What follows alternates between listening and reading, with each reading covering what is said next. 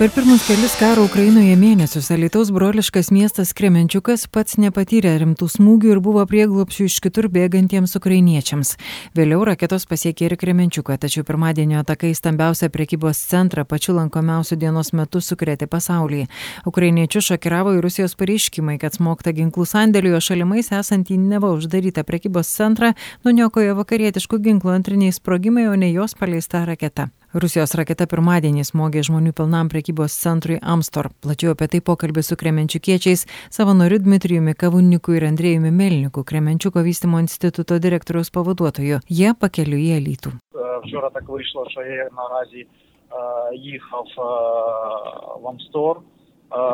Vakar turėjau važiuoti į tą prekybos centrą pirkti powerbanko, kurio reikėjo kaip tik šiandienos kelioniai, tačiau nespėjau nuvažiuoti iki sprogimo, bet puikiai jį mačiau ir girdėjau. Tai tikriausias teroristinis aktas, nes tai tiesiog prekybos centras. Tai didžiausias sankaupa žmonių kremenčiukė, kur galima smogti. Stambiausias prekybos centras, kur įvairi technika, drabužiai, didžiausios žaislų parduotuvės, kur visi su vaikais eina apsipirkti, didžiulė maisto parduotuvė. Ir kad smogė būtent ten, tai tikriausias terorizmas. Dabar yra 17 žuvusių žuvusių, gal jau ir daugiau po to, kai mes jau kelyje.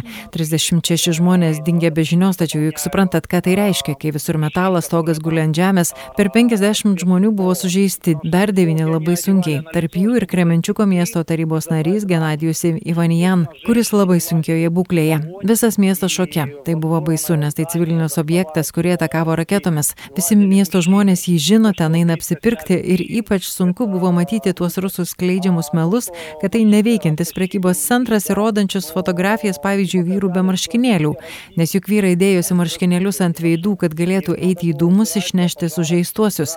Ir žinoma, kad moterys nėjo į ugnį nešti sužeistųjų, o kad mašinos iš ten buvo išvežtos taip, tačiau neparodė, kad jos buvo visos sudaužytos, jas reikėjo išvežti, nes ugnegesių automobiliai negalėjo privažiuoti. Ten net ugnegesių traukinys gesino ugnį поезд это здание. Pasakoja Dmitrijus Kavunnik. Su Andrėjumi Melniku nekartą kalbėjome anksčiau prasidėjus karui. Klausėme, kaip pasikeitė gyvenimas Kremenčiuke pastaruoju metu. На, на сьогоднішній день вже е, Кременчук отримав 32 ракети. До речі, спочатку цієї Iki dabar į Kremenčiuką pataikė 32 raketos į skirtingus objektus. Dalis jų buvo numušta, dalis papuolė į naftos perdirbimo gamyklą, į šilumos tinklus, tad miestas be karšto vandens. Tačiau tai ne problema. Tiesiog dabar sprendžiame, kaip reikės užtikrinti šildymą ateinančio žiemos sezono metu. Iki dabar mieste oficialiai užregistruota per 26 tūkstančius pabėgėlių, tačiau daug ir neregistruotų. Pas mus mieste pilna automobilių su Zaporižė, Sumu, Harkivo, Hersono numeriais. Miestas ir toliau priima pabėgėlius. Tačiau šis įvykis sukrėtė žmonės. Ir gubernatorius, vidaus reikalų ministras, generalinis prokuroras visi toj pat atvažiavo į miestą ir ėmėsi priemonių.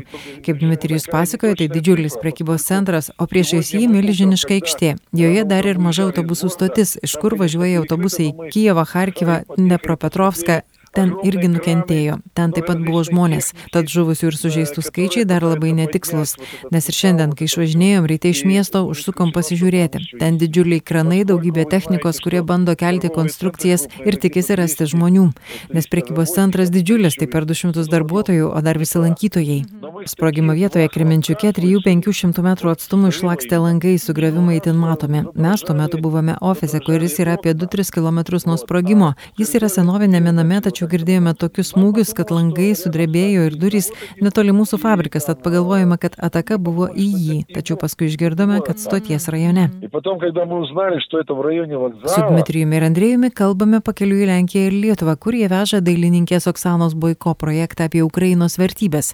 Jis bus pristatytas ir Lietuvoje Liepo 6 dieną. Я хотів би сказати, що сьогодні наш проєкт він набуває ще більшої Mūsų projektas, su kuriuo važiuojame į Lenkiją ir Lietuvą, pasakoja apie Ukrainos vertybės, tad šiame kontekste mūsų vizitas įgauna dar didesnę reikšmę. Mes kaip liudininkai pasakosime, kas įvyko Kremenčiuke. Kartu pristatysime paveikslus mūsų dailininkės filosofijos daktarės Oksanos Boiko. Jos projektas vadinasi Ukrainos vertybės - apie motinos meilę, meilę tėviniai, Ukrainos grožiai. Kremenčiukas dabar taip susitelkė kaip viena šeima. Mums dabar labai svarbu, kad visi suprastume situaciją ir vienas kitam padėtume, ne tik tikėtumėmės užsienio ar kitų miestų miestų pagalbos. Помогали, потому что не только надеясь на иностранцев или представителей других городов. Pasakojo kremenčiukiečiai Dmitrijus Kavunnik ir Andrei Melnik. Raketos smūgį Lietuvos brolišką miestą Ukrainoje pasmerkė ir Vokietijoje susirinkę didžiojo septyneto lyderiai kaip karo nusikaltimą. Jie pažadėjo, kad Rusijos prezidentas Vladimiras Putinas